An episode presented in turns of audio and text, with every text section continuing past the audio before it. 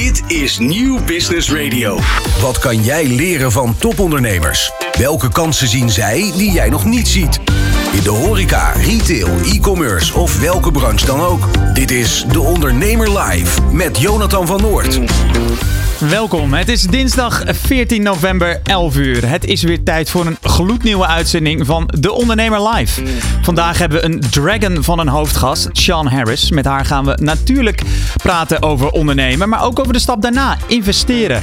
Verder praten we over verspakketten, koffie en teambuilding. Werkelijk waar een bomvolle uitzending. Mijn naam is Jonathan van Noord en dit is De Ondernemer Live. Wat kan jij leren van topondernemers? Welke kansen zien zij die jij nog niet ziet? In de horeca, retail, e-commerce of welke branche dan ook. Elke ondernemer kent dezelfde uitdagingen. In De Ondernemer Live hoor je echte ondernemersverhalen. Elke dinsdag tussen 11 en 1 schuiven topondernemers en experts aan bij Jonathan van Noord op Nieuw Business Radio. Live meekijken kan via deondernemer.nl. Maar dan eerst naar het nieuws. Vorige week kwam de Klein Bedrijf-index uit. Uit dit onderzoek, dat elk kwartaal uitkomt, kan een sombere conclusie worden getrokken. Ondernemen loont steeds minder. Sterker nog, het aantal ondernemers dat onder het minimumloon verdient, dat is sterk toegenomen. Daarover praat ik met André Dolsma, commercieel directeur bij microfinancierde credits en een van de initiatiefnemers van deze KB-index. Ja, André, ondernemen loont steeds minder, concluderen jullie. Kan je dat uitleggen? Ja, is best wel een schrijnende conclusie. Hè? Als je kijkt naar, uh, naar wat er uitkomt dit kwartaal, dat nog maar 42% meer dan het minimumloon verdient. Als je hem andersom draait, meer dan de helft verdient dus onder het minimumloon. Um, dat is wel, wel wat uitleg nodig. Uh, we zien een beetje in het derde kwartaal dat het ondernemersvertrouwen daalt. Die daalt weer met 10%. We zien de ondernemersloon uh, achteruit gaan en we zien ook investeringsbereidheid dalen. Als je door die cijfers heen kijkt, dan zie je dat ook wel een paar dingen goed gaan. De solvabiliteit, dus dat hoeveel geld blijft er in het bedrijf. Dat blijft uh, redelijk op peil. De netto marges blijft op peil. Maar wat je ondernemers ziet doen, is die laten zoveel mogelijk geld in het bedrijf. Dat is positief, hè? daarmee hou je het bedrijf gezond.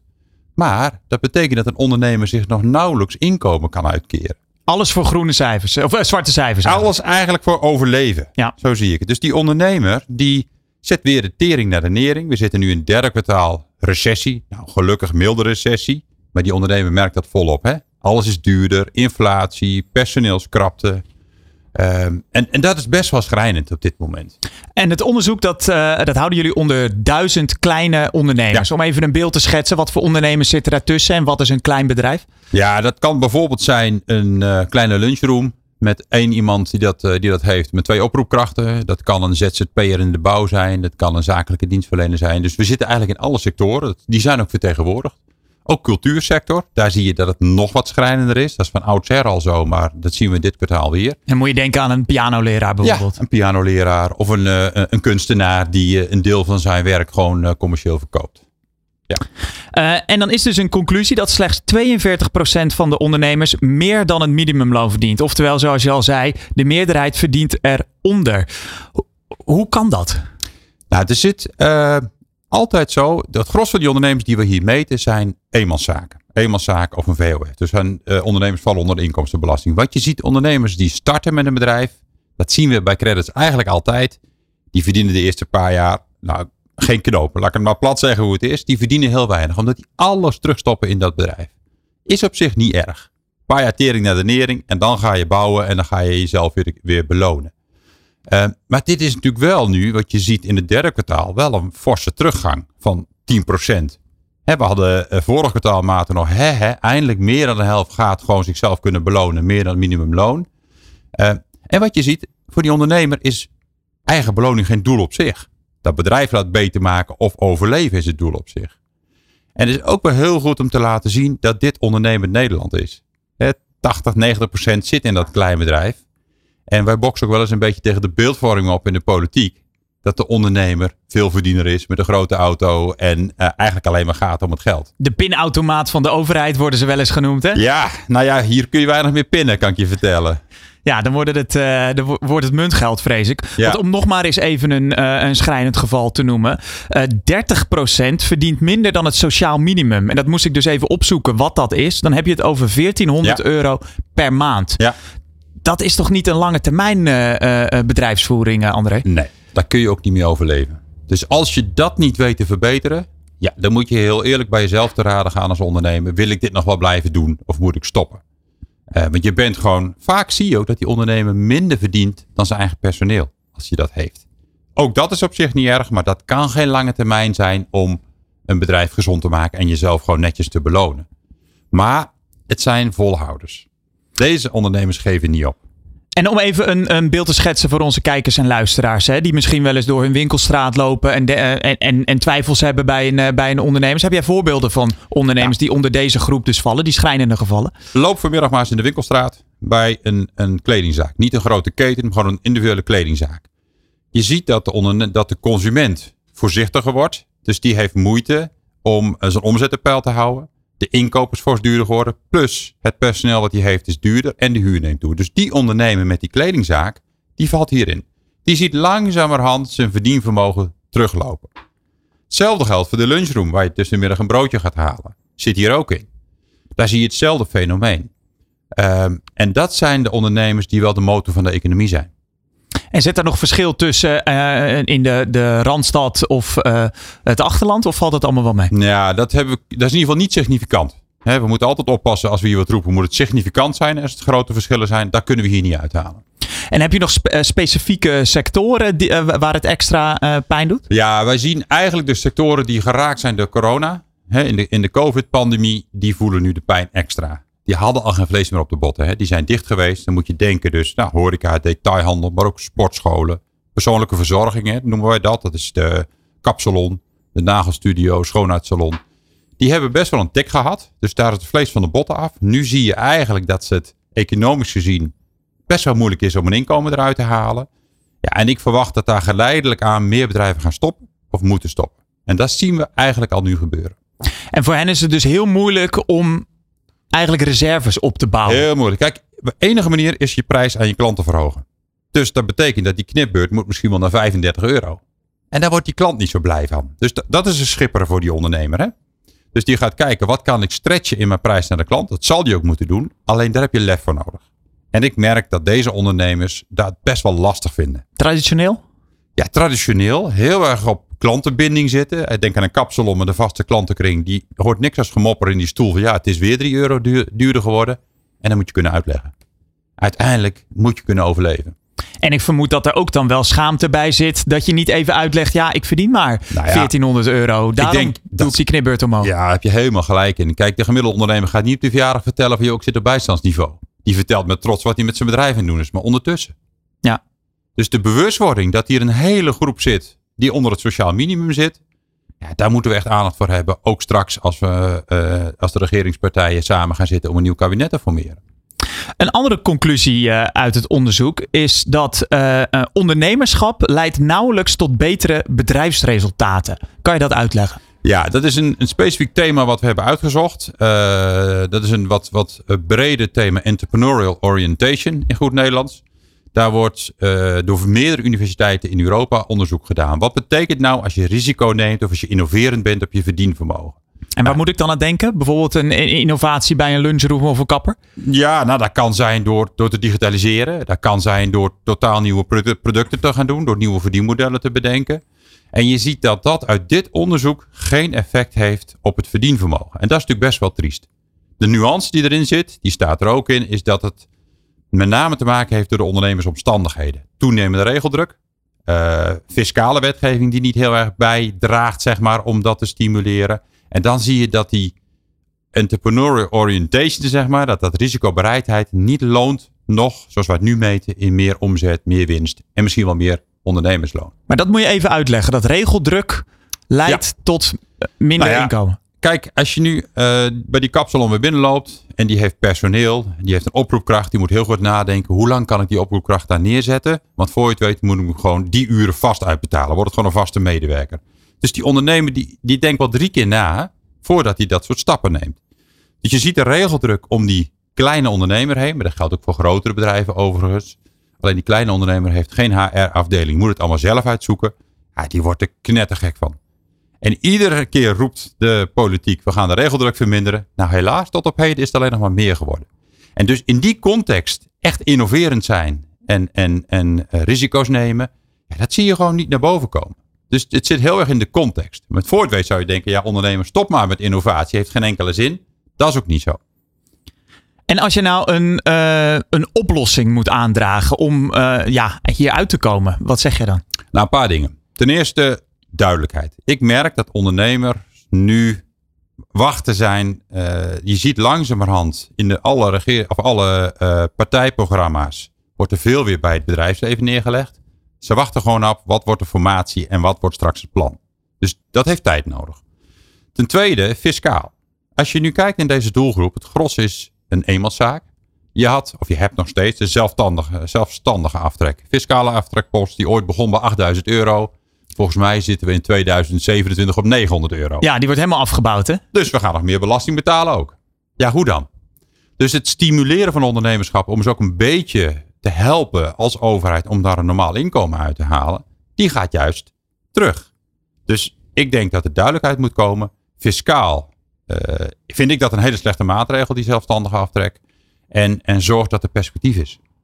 En waar moet je dan aan denken qua perspectief? Nou, zorg in ieder geval dat, er, uh, dat je het gevoel hebt als nou, die kapper weerom, uh, de kapper in mijn dorp. bijvoorbeeld dat hij ziet, hé, hey, ik word gezien. Deze problematiek wordt gezien. Er ontstaat duidelijkheid, ook op fiscaal gebied, wat ik kan verwachten de komende jaren. En daar ligt denk ik ook wel een taak dan echt van de politiek om dat goed te communiceren. Nou ja, en dat is het belangrijke van deze index. Hè. Die zijn we drie jaar geleden begonnen. Het CBS onderzoekt in hun conjunctuurmetingen vanaf vijf medewerkers. Dat is een hele andere doelgroep als waar we het hier over hebben. Dit is echt de kleine bedrijven, de eenmanszaken met misschien drie mensen in vaste dienst en nog tien oproepkrachten. Man en vrouw samen. Man en vrouw samen. Nou, je kent de voorbeelden. Die komen totaal niet naar boven. En dat is het belang. En daarom ook heel fijn dat ik het hier kan toelichten. Is deze doelgroep moet in de spotlights. Dat is de motor van de economie. Ja, want over hoeveel bedrijven hebben het? Hoeveel mensen vallen hieronder? Als je totaal kijkt, we hebben uh, ruwweg 2,4 miljoen inschrijvingen bij de Kamer van Koophandel. Dat zijn echt niet allemaal ondernemers. Maar ik denk als je kijkt naar de ZZP'ers eenmanszaken, zitten we ergens tussen de 1,5 en 1,8 miljoen ondernemers in Nederland. En dan uh, de, deze kleine ondernemers, hoe, hoe, groot is die groep dan? Nou, dat is een groep denk van, van rond de anderhalf miljoen ondernemers. Ja. Hè, als je kijkt tot even tot 10 medewerkers maximaal. De gros zit hem echt onder die 5 ja. medewerkers. Dat zijn echt Heel veel ondernemers. Ja, significant. significant. Um, André, ik hoorde je aan het begin al zeggen over uh, uh, stoppen. Faillissementen geloof ik zelfs in de mond uh, genomen. Ja. Hoe kijk jij naar de toekomst met dit onderzoek in je achterhoofd? Nou ja, ondernemen wordt er niet makkelijker op. He, dat, is op dat blijkt hier ook wel uit. Dus ik verwacht, dat zien we al een beetje in de afgelopen jaren. Dat zie je ook uit de Kamer van Koophandelscijfers recent. Er zijn meer stoppers dan starters. Ehm, dus dat is een trend die doorgaat. Ik denk dat je langzamerhand ondernemers op momenten dat ze kunnen stoppen, einde huurcontract, uh, momenten waarop ze uh, kunnen overwegen, de keuze maken om te stoppen. Dus ik vermoed 1 januari, dat is denk ik wel zo'n punt dat mensen hun huurcontract. Nee, dat kan zijn 30. Dat is net wanneer je hem afgesloten hebt. Het zijn meestal drie of vijfjarige contracten. Als je hem vandaag afsluit, is het gewoon op, ah, uh, op die datum. Um, ik denk dat dat, dat ga, je, ga je zeker zien, is dat er meer ondernemers kiezen om te stoppen. En geleidelijk aan, in de branches waar we het net over hadden, horeca, detailhandel, daar zit ook nog belastingachterstand vanuit COVID. Dus die hebben helemaal geen vet meer op de botten, plus best wel veel schuldenlast om af te betalen. Daar gaan het een heel aantal het gewoon niet redden. Maar dat gaat niet in een hoos, is mijn verwachting. Ondernemers zijn volhouders en doorzetters, die gaan net zo lang door totdat het echt niet meer kan. André, om toch nog positief af te sluiten. Laten we dat zijn zeker doen. Er, zijn er lichtpuntjes? Nou, er zijn er zeker. Hè. Uh, wat ik net al zei, uh, als je naar de netto marge kijkt, hè, dat is eigenlijk wat wij meten. Omzet minus alle, minus alle kosten, los van het ondernemersloon, blijft dat stabiel. We zien de omzet stabiel blijven. De betalingsindex, hè, hoe snel krijg ik mijn geld als ondernemer, is ook stabiel. Dus dat geeft mij hoop. Die economie draait door. De, de consument blijft besteden. Dat zie je ook een beetje in de CBS-cijfers van vanochtend. Nou, laten we ons daaraan vasthouden. En als die ondernemer lef heeft om ietsje meer prijs te vragen aan zijn klant. En die klant goed te blijven bedienen. Dan heb ik er zeker vertrouwen in. Staat genoteerd. Dankjewel André Dolsma van Credits. Dankjewel, graag gedaan. Je luistert naar De Ondernemer Live. Elke dinsdag live van 11 tot 1 met Jonathan van Noord op Nieuw Business Radio. Ze groeide op in plattelandstaat Wisconsin, kwam voor de liefde naar Nederland en verdiende miljoenen met haar avocado- en mango-business Nature's Pride. Landelijk bekend werd ze als Dragon in het tv-programma Dragon's Den en iedereen liep met haar weg dankzij haar charmante accent. We hebben het natuurlijk over Sean Harris. Sean, welkom. Ja, dankjewel. Ja, ik uh, ben even in jouw biografie gedoken ter voorbereiding uh, op dit interview. En ik zag dat jij bent opgegroeid in Wisconsin. Ik weet toevallig dat de bijnaam daarvan is de Dairy State. Het is, het is een plattelandstaat, toch? Ja, er zijn weinig mensen, uh, veel koeien. Je hebt ongeveer, als je in Nederland een, duizend, een miljoen mensen hebt, dan heb je Wisconsin. Zo so het is ja, heel weinig bevolkt. Uh, ja, en weinig mensen hebben, de, hebben echt een beeld van, uh, van die staat. Hoe, hoe zag jouw tijd daar, uh, daaruit? Nou, heerlijk. Um, ik was opgegroeid met zeven broers en zussen. Um, en ik in een klein dorp van duizend mensen. Ik ken iedereen, ze kennen mij nog steeds. Zo so, heel leuk. Ja. En toen kwam je naar Nederland. Vertel eens. Ja, ik was verliefd op een Nederlander in een kroeg. Um, in 1989. En um, zo ik heb hem hier gevolgd na mijn studie. En ik ben in Leeuwarden gaan wonen voor vijf jaar. En um, daar ben ik begonnen. En ik kon geen baan vinden. Zo ik uh, begon voor mezelf. En vertel eens, ja, die, die, uh, je, uiteindelijk belandde je in die ja, avocado-business die je volledig naar je, naar je hand hebt, uh, heb gezet. Hoe, hoe kwam je daarin terecht? Ja, omdat ik geen baan kon vinden, had ik uh, kennissen in Amerika. Die had familie in Miami. Die exporteerde um, off-season, noem ik het, fruit en groenten naar Europa. En ik heb hen gevraagd als ik kon voor hen, um, producten verkopen. En ze zei nee. Zo ik heb hem gebeld tot ze hebben ja gezegd. En dan binnen drie jaar had ik ongeveer 35% van hun business.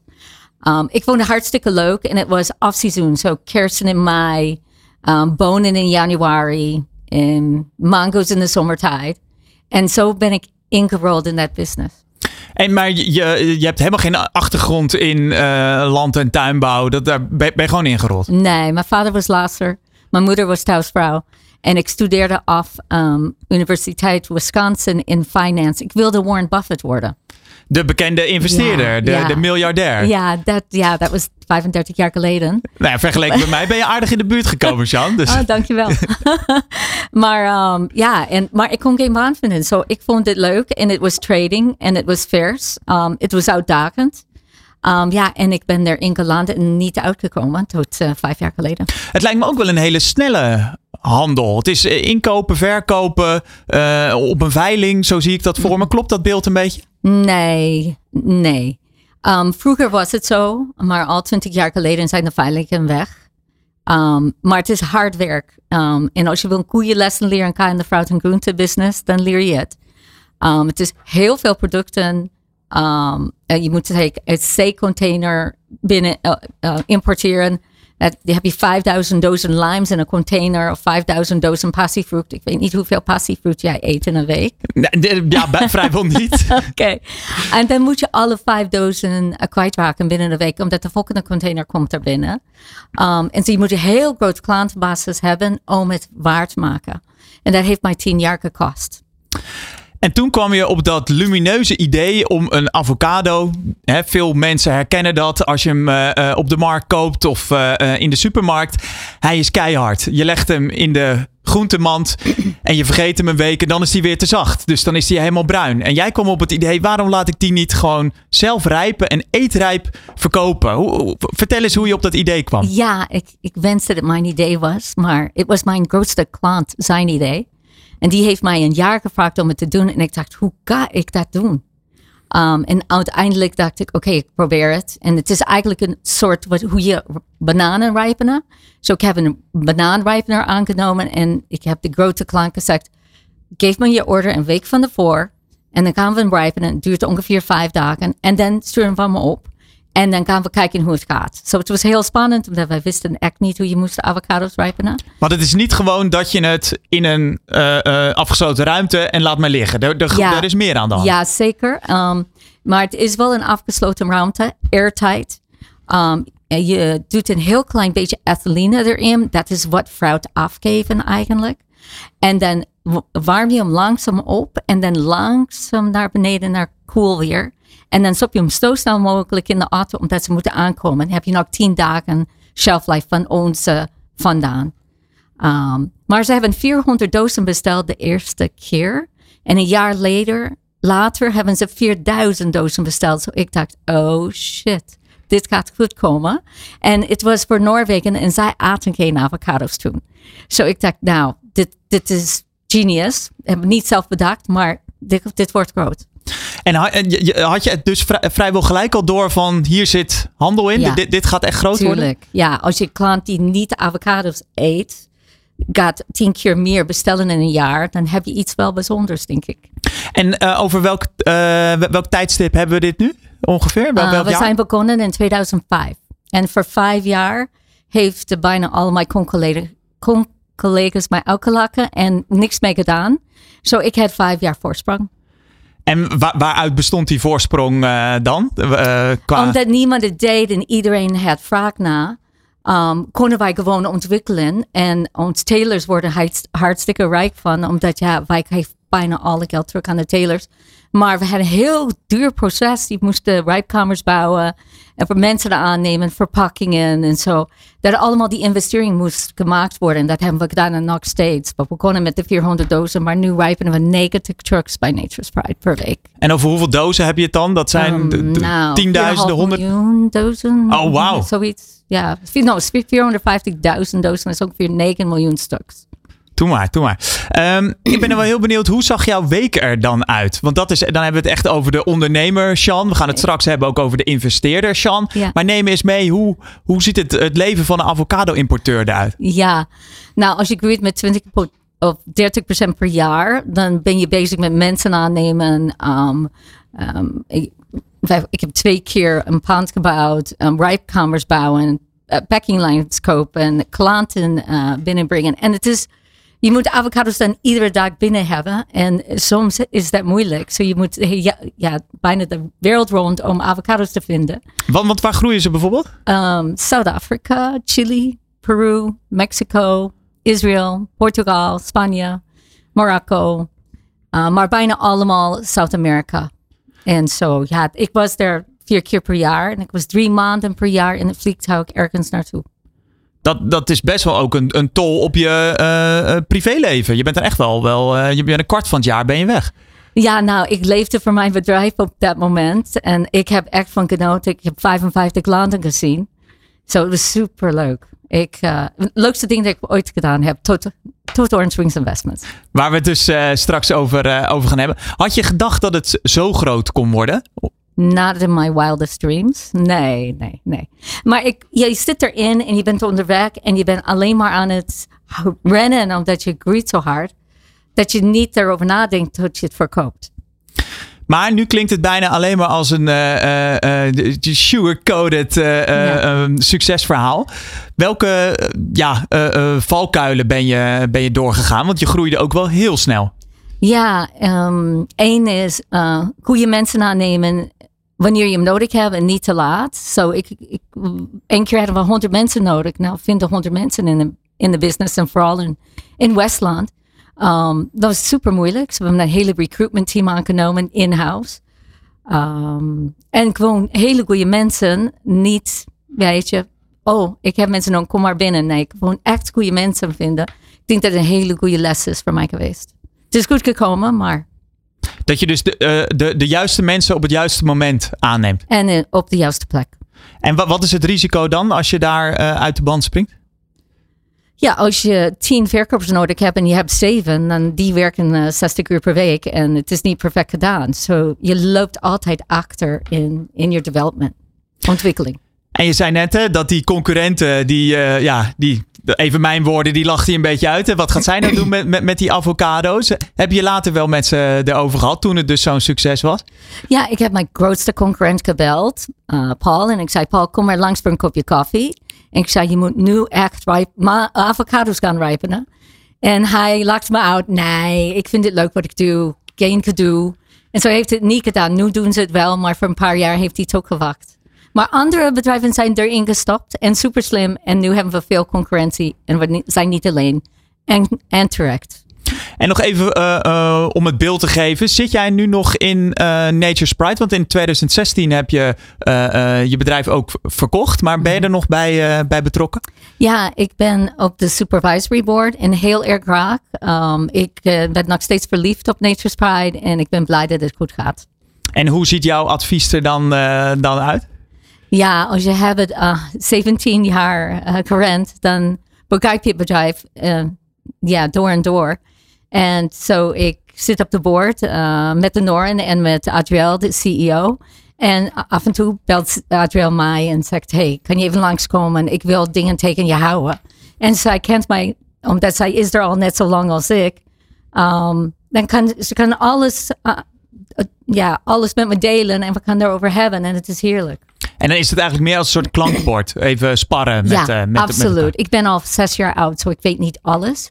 Maar genoeg om, om ja, helpful te zijn.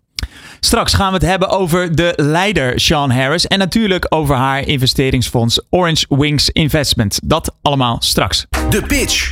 Ben jij degene met een briljant idee? En ben je op zoek naar funding of een investeerder? Dit is De Ondernemer Pitch. Maak jouw plan wereldkundig binnen één minuut.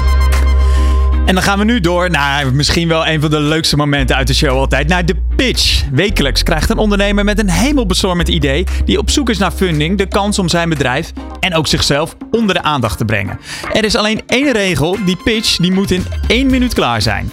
Bij ons is aangeschoven Pieter Duis. Bij zijn bedrijf, zo, bij zijn bedrijf draait het om vers, vers en nog eens vers. Maar daarvoor heeft hij wel jouw hulp nodig. Pieter, in één minuut, the floor is yours. De pitch. Ben jij degene met een briljant idee en ben je op zoek naar funding of een investeerder? Dit is De Ondernemer Pitch. Maak jouw plan wereldkundig binnen één minuut. Iedereen kent het wel. Je rijdt naar huis na een lange dag werken en je hebt geen zin of geen tijd op de kook. We worden in Nederland steeds drukker. Uh, sociale aangelegenheden, kinderen, werk, sporten, noem het allemaal maar op. Maar we willen wel gezonder eten. Nou, dat is waar wij met Thuisvers zijn op ingesprongen. Wij bezorgen kant-en-klaar maaltijden voor iedereen. Dat doen wij eigenlijk op basis van drie hele simpele beloften. Eén gezond, twee makkelijk, drie lekker. Vol met groenten, bezorg wanneer je wilt. En lekker, maar goed, dan moet je de recensies maar gaan lezen. Het is nu tijd voor een uh, nieuwe stap. We zijn ontzettend hard gegroeid. En uh, dat willen we doen middels sharevinding om eigenlijk Nederland nog gezonder en het leven makkelijker te maken. Nou, dat is waarom ik hier zit, denk ik. Nou ja, een, een, een vlammende pitch. Volgens mij hebben we nog heel even, maar laten we niet per se op het, uh, op het belletje wachten. Pieter, uh, hartelijk dank uh, voor, voor, deze pitch. Thuis vers dus. Thuis, Thuis vers. vers ja, verse maaltijden eigenlijk. Hoe ben je op dit idee gekomen? Ehm, nou, nu kan ik mezelf heel veel credit geven, maar dat moet ik toch geven aan mijn familie. mijn vader is groenteboer. Uh, die maakte eigenlijk mijn, uh, of tenminste de kant-en-klaar maaltijd al heel lang. Deed dat altijd met veel groenten. En uh, ja, ik was zelf normaal actief in het werkende leven. En toen dacht ik, nou ja, goed, ik wil toch eigenlijk wel weer die stampotjes van pap. En toen dacht ik, maak er een website van. En ik verkoop het in Nederland. En dat ging gelijk goed? Ja, ja best wel. Ik ben echt begonnen in mijn eentje, in mijn vaders keuken, in de winkel dan. en uiteindelijk groei je gewoon een beetje door. Naar de rest van Nederland komen er allemaal mensen je helpen. Het was midden in corona natuurlijk, dus eigenlijk hadden we toch niks beter te doen dan eten koken. En, uh, en toen is het echt uitgegroeid tot een uh, ja, landelijk platform. En neem mij nou eens heel even mee in deze markt. Want ik denk dat uh, nou ja, iedereen die uh, in, in deze studio uh, aanwezig is, wel eens een keer een vers pakket heeft gekocht bij een grote supermarkt. Of wel eens een eetpakket heeft laten bezorgen. Hè. Je hebt allerlei aanbieders. Je hebt diepvriesmaaltijden. er is eigenlijk van alles. Wat? Ja. Wat maakt jou dan zo onderscheidend? Ik denk één is groente. Ik denk dat we in Nederland ehm, uh, steeds gezonder willen eten, maar gewoon simpelweg te weinig groente eten. En uh, ik denk als we. Um, nou, neem even het restaurant misschien. Als je uit eten gaat, eet je vlees en dan ligt er zo'n kromgebogen komkommertje op rechts. Nou, dat spel wil ik eigenlijk omdraaien, want die komkommer is net zo lekker als het biefstuk, zeg maar. Nou, en ik zie in Nederland dat we, ik zag eigenlijk in Nederland dat we, ja, er liggen wel kant-en-klaar maten. Dus de optie voor gemak is er wel. Maar om nou echt het gevoel te hebben, ik weet niet of je dat zelf kan ervaren, maar als je die hutspot uit de supermarkt pakt, dat je nou echt denkt, ja, nou, ik heb geen E-nummers gegeten, maar groenten. Uh, dat spel wil ik eigenlijk omdraaien. En eh, dat, eh, dat is eigenlijk wat ons gewoon goed maakt. En eh, dan kan je er ook nog heel veel van vinden van smaak. Eh, want ja, het moet uiteindelijk wel lekker zijn. En vergeleken met die maaltijdboxen waar je dus nog wel zelf moet koken. Ja. Hoe, eh, hoe zie je die concurrentie? Is dat concurrentie? Of? Nou, ik denk dat eh, de grote maaltijdboxen in Nederland hebben een markt gecreëerd waar we, denk ik, vijf, zes jaar geleden, of nou, tien jaar geleden nog niet eens aan dachten. Dat je eten met de post kreeg. Ik weet niet of jullie dat toen deden, maar ik niet. Ehm, dus zij hebben eigenlijk een markt gecreëerd waarin ja, het bezorgen, of het eten komt thuis. Dus het, nadenken over het eten en het wordt al gedaan, het avondeten. Eh, alleen, ja, we kennen ook allemaal de frustratie. Je mist toch één dingetje, of het is te weinig, of je vindt het niet lekker. Of je moet toch weer 40 minuten aan zo'n drie lap, lappen A4'tje tekst lezen. Nou, dat, dat dacht ik, nou, daar heb ik eigenlijk ook helemaal geen zin in. Laten we het gewoon nog makkelijker maken. En laten we dat maar gewoon zo doen. Ja, vaak is het recept dan eh ogenschijnlijk eenvoudig. Totdat je bezig bent, dan ben je toch nog wel eventjes, Ja, eh, eventjes bezig. Eh, van die kruidenpotjes die je over drie jaar nog niet gebruikt. En het is gewoon, ik denk dat we het gewoon makkelijk moeten maken in Nederland. Maar heb je dat overwogen om, om zo'n soort verspakket te leveren? eh, in plaats van echt een, een, een complete maaltijd? Nou, ik denk dat ehm, eh, juist eh, wat ik wilde is dat je echt niks meer hoeft te doen. Dat je echt denkt van oké, ik ga, kom thuis. Wat goed man, mijn thuis vers staat in de koelkast. En dat gevoel wil ik eigenlijk hebben. En die dan, ah nee, ik ben echt, ik zie er echt op tegen wat voor recept Pieter vandaag heeft gemaakt. Nou, en de, dus niet eigenlijk. Ik wilde gewoon, maar het is ook een beetje de familiefilosofie. Hè? Je wilt natuurlijk wel het echte kant-en-klare maaltijd. Het Nou ja, als we het nu toch eh, erover hebben, wat heeft Pieter klaargemaakt? Voor de luisteraars, Pieter heeft een, eh, eh, een box bij zich, die Ja. je dus thuis vers krijgt. Laat eens even zien wat je erin hebt. Mooi gezegd trouwens. Eh, ik heb, eh, nou kijk, we hebben elke week 50 soorten. Eh, alleen ik kon hier natuurlijk niet, eh, dus het gaat echt van rotties tot sperrips tot, eh, tot van alles. Ja, dit is je maar- pitch, Pieter. Dus- Maar we zijn natuurlijk wel groot, groot geworden met onze stampotten. Spruitje stampot, Laat eens even zien. kutje, Ja, spruitje Ja. stampot. En dan heb ik gewoon voor de wat excentrieke eter een Bambi maar weer met 300 gram groente. Andijvie stampotje. En voor de koolhydraatarme eter of de echte gezonde eter een Caesar salad. Dus dat is de, de, de sportmaaltijd eh, eigenlijk. eh, zo, zo kan je het een beetje zien. Ja, zo kan je het zien. Maar ja, de definitie van sportmaaltijd is natuurlijk altijd eh, ja, hoog in, in, in, ja, in voedingsrijke stoffen, laat ik het zo zeggen. Maar dat zijn ze eigenlijk allemaal. En Ja. als je nou eens even een, een blik werpt op jouw klanten. Wie, wie bestellen dit? Ehm, nou, dat is een goed punt. Ik ben dit ooit begonnen eigenlijk voor mijn eigen doelgroep, mezelf 32. Eh, en ehm, wat ik eigenlijk zag, waren dat de, ehm, ja, de generatie van mijn moeder, dus 50 plus zeg maar, begon echt veel te koop. Eh, omdat ik was eigenlijk heel erg verbaasd over het feit, nou, ik ben niet opgegroeid met kant-en-klaar maaltijden. Dus op een gegeven moment kwam ons slogan een beetje van, joh, als de kinderen eruit zijn, komen wij erin, zeg maar, dat verhaal. Eh, dus je ziet nu eigenlijk dat de steeds oudere doelgroep, die begon dus eigenlijk in het begin heel veel te, te vinden. Maar dat kwam omdat we best wel klassieke maaltijden deden. Nou, toen zijn we onze productvariatie aan het bieden zijn, aan het verbreden zijn. En je ziet nu eigenlijk dat alle generaties blijven best wel kopen. Maar de grootste groep is nog steeds 45, 50 plus. En zijn het dan mensen die eh, alleen zijn? Oh, ik, ik moet er gelijk aan denken. Ik heb eh, eh, inmiddels een vriendin, maar ook een tijd alleen gewoond. En er is niks saaiers dan in je eentje koken en in je eentje eten. Eten, vind ik althans. Ja. Klopt dat beeld? Nee. Nee? Nee, ja, nee, nee, het is ehm, bijzonder verdeeld. Natuurlijk zijn wij, als je in de huidige, met de worden duurder. Dus als je voor jezelf gaat koken, dan, eh, ja, dan zit je al snel boven de 10 euro of eh noem het iets. Dus je ziet dat de, sowieso de alleenstaande ons heel veel weten te vinden. Maar je ziet dus ook dat gezinnen, eh, bijvoorbeeld met drukke sportavonden met de kinderen, of ja, samen met, met een stel, zeg maar, wat, wat oudere leeftijd. Ja, die zitten ook gewoon lekker drie, vier dagen dit te eten. Maar ja, aan de andere kant, als je niks meer hoeft te doen, je kan gewoon lekker eten. Ja, waarom zou je niet toch? ja, En eh, even de hele Hollandse vraag. Wat betaalde je nou voor? eh, tussen de 7 en de 10 euro. Per maaltijd. Per maaltijd, per persoon. En is dat eh, eh, een stuk hoger dan wat de gemiddelde Nederlander per maaltijd uitgeeft? Ja, dat hangt natuurlijk heel erg af van ieders eigen bestedingspatroon. Maar de gemiddelde uitgaven zitten ongeveer rond de 7 euro per maaltijd. Nou, daar zitten we op. Eh, alleen dan hebben we nog niet je tijd en je gas meegerekend. Duidelijk. Mooie Hey, en rekensom. eh, je, zei al, hè, eh, vader eh, groenteboer. Is hij nog steeds de, de grote leverancier van alle groentes? Nee, ondertussen niet meer. Dat was in het begin wel, maar eh, op een gegeven moment word je, als je in een Nederlands platform draait, dan, eh, ja, pap ziet me komen, zeg maar, met mijn vrachtwagens met eten. Dus eh, nee, dat niet meer, maar eh, ik, eh, ik gebruik hem af en toe nog wel om af en toe mee te proeven met de maaltijden, want uiteindelijk gaat het wel om kwaliteit. Hey, ik zat even op de site te kijken, maar hartstikke jong team geloof ik waarmee je werkt. Ja, ja, ik ben de oudste. ja, ja, we zijn gewoon heel jong en gretig en, en dat is ook tof eraan. Ja. Ehm, oh, even wat, wat, wat statistiekjes te geven, wat ik ook eh, op, de, op de site eh, las. Dat jullie 550% omzetgroei hebben behaald in eh, twee jaar tijd. Leg eens uit.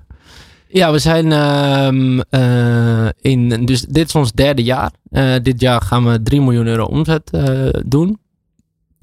Ja, en dat was twee jaar geleden zaten we nog op, wat is het, vijf ton ongeveer. Dus ja, dat gaat hard. Maar ja, je zit hier om eh, nog meer geld op te halen. Ja, ja Namelijk klopt. 500.000 euro. Waarvoor ga je het gebruiken? Nou, wat wij ehm eh, afgelopen drie jaar hebben ontwikkeld is, ik wilde bezorgen in heel, elk hoekje van Nederland zelf. Ik vind dat kwaliteit van bezorging, zeker met de pakketleveranciers, is gewoon dramatisch. Ik, Want het moet gekoeld worden. het moet gekoeld worden, het moet echt op tijd komen. Het is eten, het is niet een t-shirtje wat je even bij, het, je, bij je DHL-punt neerlegt. Ehm, dus ik wilde gewoon dat heel goed doen. Nou, we hebben heel veel geïnvesteerd in ons landelijke netwerk. Dus ondertussen kunnen we gewoon eh, ja, van Groningen tot Maastricht komt gewoon iemand met een groene trui voor je deur staan. Nou, daar ben ik heel erg trots op. Maar het is wel tijd om nu door te groeien. Eh, we willen onze prijs van de maaltijden wel eh, betaalbaar houden. Ehm, dus dat betekent ook dat wij wel scherp in de prijs moeten zitten. Maar waardoor je dus ook voor groeigeld nodig hebt. Nou, en, Want eigenlijk hoe groter je wordt, hoe lager je die prijs kan, kan krijgen. Nou, het is meer van ik wil een betaalbaar product creëren waardoor mijn eh, winsten in, in, in een bepaalde fase wel gelimiteerd blijven, zeg maar. Want ja, dat, dat, zo wil ik het houden. Dus ja, om verder te groeien en om Nederland gezonder te maken, heb ik gewoon eh externe groeikapitaal nodig. En eh, ja, dat gaan we doen. Middels sharefunding. Ja, want eh eh sharefunding, het is inmiddels wel in de ondernemer live een, eh, een bekend begrip. Ja. het is een soort crowdfunding, maar je wordt daadwerkelijk aandeelhouder van het bedrijf. Waarom heb je voor deze manier gekozen? En nou, één, we hebben een vrij, ja, we hebben een hele sterke community om ons heen. Die wilde ik sowieso meenemen in dit verhaal. Wa- wa- eh, wat, wat houdt een sterke community bij thuisvers in? wij hebben ontzettend heel veel fans van ons merk. En echt fans, fans. En daar heb je dan contact mee? Hoe moet ik dat zien? Ik vind Nou, community altijd zo'n begrip waar ik... Ja, Vind ik, ik snap wat je zegt. Eh, nou, kijk, wij hebben, ehm, we zijn groot geworden in aantallen, maar we zijn klein geworden in, eh, we zijn klein gebleven in de manier waarop wij het doen. Dus eh, ook ik zit wel eens gewoon eh, eh, achter de klant te surfen, zeg maar. En dan is het heel mooi als dan opneemt, ja, met Pieter, zeg maar. En dat andere, oh, spreek ik, zeg maar, dat gevoel. En dat wil ik eigenlijk altijd in dit, hoe groot wordt, hoe moeilijk dat is natuurlijk. Ehm, maar dat community gevoel en dat we het echt met z'n allen doen. En eh, mensen hebben een, eh, zeg maar, een bezorger heeft zijn eigen wijkje. En dat, dat moet allemaal zo goed op elkaar afstemmen. En door die hele beleving zo goed mogelijk te doen, creëren we gewoon een hele grote fanbase, laat ik het zo zeggen. Nou, dat is één. Eh, en twee, eh, ja, vind ik het ook mooi eh, om ja, andere mensen daarbuiten om te denken van, hé, hey, ik wil eigenlijk ook wel meedoen aan dit avontuur. Ik geloof heel erg in dat concept. Nou, ik denk dat sharefunding daar echt de perfecte oplossing voor is. Ja, want je hebt ook echt wel wat wat je naar buiten kan, kan tonen hè? met zo'n met zo'n campagne. Ja. Hoe loopt het? Goed. Ja, we zijn één dag live. Ehm, sinds gisteren, of nee, zo- zondag. Dat is nu al twee dagen. Eh, en we staan nu op eh, 250.000 euro. Van de 500. Ja. Dus je bent in twee dagen al op, eh, op de helft. Ja. En stopt dat dan bij 500 of laat je hem eh, doorlopen? Hoe werkt dat? Eh, nou, we kunnen tot 700.000. eh, hebben we afgesproken eh, intern. Ehm, maar eh, we laten het eerst op 500.000. eh, omdat we, ja, we geloven, we kunnen echt heel veel plannen doen. Maar mocht er zo ontzettend veel enthousiasme doen, dan kunnen we kijken, oké, welke plannen hebben we nog meer in de kast en welke willen we nog meer gaan doen. Maar ja, dat is eh, voor latere zorg. Ja, over plannen gesproken. Ik las een best ambitieus eh, doel voor, eh, voor de toekomst. Een omzet van 21 miljoen in 2028. Ja, Hoe ga je dat bereiken? met een grote glimlach. ja, ja, zeker weten. Ja, ik denk dat wij, uh, ja, we zijn nu, nu, nu, het moeilijkste is om die operatie neer te zetten. En daar zijn we nu. Ja, en nu is het gewoon echt verder groeien. En dat doen we eigenlijk op een vrij ja, makkelijke en simpele manier. En dat is eigenlijk gewoon marketingbedrijf. We hoeven niet te investeren in auto's. We hoeven niet te investeren in keukens en dat soort dingen. Dus eigenlijk staat alles nu om dit te gaan realiseren. En ja, dan doe ik dat met een grote glimlach. Dus, maar het wordt wel hard werk hoor, dat niet. Dus echt van het puntje van Zeeland tot uh, het, het, het meest noordelijke stuk van Groningen. Daar kan je dus thuisvers gewoon, gewoon krijgen. Overal. Ja, met een eigen bezorger met de groene trui. En de glimlach. En de glimlach. Ja. en misschien is het wel Pieter? Of doe je dat... Uh... Ik bezorg nog één avond en dat altijd met kerstavond. Oké, okay. ja. Nou ja, dan weten mensen wanneer ze het uh, kunnen, uh, kunnen bestellen. Ja. wat levert het op voor mensen die investeren? Nou, één is natuurlijk een mooi en gezond avontuur. en twee is natuurlijk gewoon het rendement. Dus de winstuitkering als wij dat doen. En ja, je, wordt eigenlijk, je krijgt eigenlijk hetzelfde als ik. naar rato van een percentage. En uh, nou, ik denk dat je het vooral moet doen voor het geloof in het concept. En ja, het gevoel van groeien en gezonder maken. En misschien eerst wel eventjes proberen uh, of die echt zo goed smaakt als, uh, als jij hier uh, beweert. En dan kan je daarna naar broccoli om te investeren, toch? Ja, ja, dat klopt. Dan kan je eerst de broccoli bestellen en daarna op broccoli investeren. Nou, ik vind hem helemaal mooi rondgemaakt in journalistieke termen. Helemaal mooi afgemaakt. Investeerders kunnen zich dus melden via de website van sharefunding platform Broccoli. Wil jij hier nou volgende week zitten? Geef je dan op via deondernemer.nl slash pitch. Wacht, mag ik daar nog een klein correctie op maken? We zijn nog niet officieel live op Broccoli. Dus ga ons vooral zoeken op thuisvers.nl. Daar kan je alles vinden. Thuisvers.nl. Kijk, daar heb je ja? hem. Dankjewel. Alsjeblieft, jongens. Elke dinsdag een andere inspirerende ondernemer te gast tijdens De Ondernemer Live. Van 11 tot 1 live op Nieuw Business Radio. We praten nog steeds met Sean Harris, oprichter van groente- en fruitimporteur Nature's Pride. En inmiddels al jaren investeerder met haar bedrijf Orange Wings Investments. Maar eerst nog even over de ondernemer Sean Harris. Zit daar überhaupt verschil in tussen ondernemen en investeren? Uh, ja, maar ik ben nog steeds ondernemer. Um, en ik investeer uh, in, in startups. Nu zijn ze meer of minder scale-ups. Maar ik help ze met ondernemen. Maar ik ben investor. Daar gaan we het straks uh, gaan we het over hebben. Maar eerst nog heel eventjes over de tijd dat jij uh, je echt nog alleen ondernemer kon noemen. Ja, je ging toen dus van een, van een kleine importeur die avocado's um, naar Nederland haalde, naar een bedrijf met een omzet van honderden miljoenen. Kan je een beeld geven van toen jij ongeveer aan de top stond, toen jij nog de leiding had? Hoe groot was Nature's Pride toen? Ongeveer 400 miljoen euro omzet. En we hadden ongeveer 700 mensen in het pand. 200 waren uitzendkrachten en 500 eigen mensen. Dat is echt een, eh, een, een, behoorlijke organisatie. Je hebt het dus echt meegemaakt van dat jij, bij wijze van spreken, in je eentje of met een paar collega's uh, in kantoor, uh, op je kantoor zat, naar dus een organisatie met honderden mensen. Wat verandert het dan voor jou als leidinggevende? Ja, in het begin doe je alles. Um, je stuurt de rekeningen, je belt de vracht, uh, vrachtwagenchauffeurs of uh, transport voor containers. je gaat naar de tailors, je belt de klanten en aan het eind ben je alleen maar, of ja, eigenlijk een director van en een manager, CEO van heel veel mensen. En je zit in vergaderingen. Ja. Vond je dat moeilijk? Nou, het, het overkomt je, het gebeurt je um, en je groeit erin. Um, en natuurlijk, af en toe uh, kom je, je leert onderweg. Sommige mensen kan niet van klein naar groot. Ik vond dat geen obstakel. Um, ik vond het uiteindelijk heel erg leuk. En het gaat om de mensen om je heen. Omdat je core team moet 100% in geloven wat jij in gelooft. En dan doe je het samen. Ja, altijd. Zo, so, ik heb echt echt leuk ervarend. Maar goede mensen in de baas is heel belangrijk. En dat heb ik goed gedaan. Maar je zegt net, ik, ik heb er veel van geleerd. Wat, waar, waar is het bijvoorbeeld een leermoment wat jij daarvan uh, kan herinneren? Van dat je dus echt, ja, ook relatief snel, want we hebben het over een jaar of tien, zo, zo erg groeit. Nou, we hebben het over 17 jaar gedaan. Um, en, maar in het begin was het 30, 15, 50% groei. Um, en dan loop je achter met personeel aannemen en je hebt een heel groot probleem met cash. Um, omdat fruit en groente is uh, ja, kasintensief. Je hebt echt heel veel cashflow nodig. Je moet het vooraf betalen dan? Begrijp Deels, ja, ja. En het duurt je soms 20 dagen voor de container binnen is. En dan de klant betaalt je 30 tot 50 dagen later. Dus je hebt drie maanden cash nodig. En dat was echt een obstacle in het begin. En dat, dat, dat vond je wel lastig om daarmee om te gaan dan? Of? Nou, ik was een beetje bang voor de banken. Zo, ik ben niet naar de bank gegaan. Um, ik heb ieder cent gespaard uh, voor de eerste vijf jaar. En het allemaal gebruikt om de groei te maken. En mijn grootste klant betaalde me binnen tien dagen. En die heeft mij gered.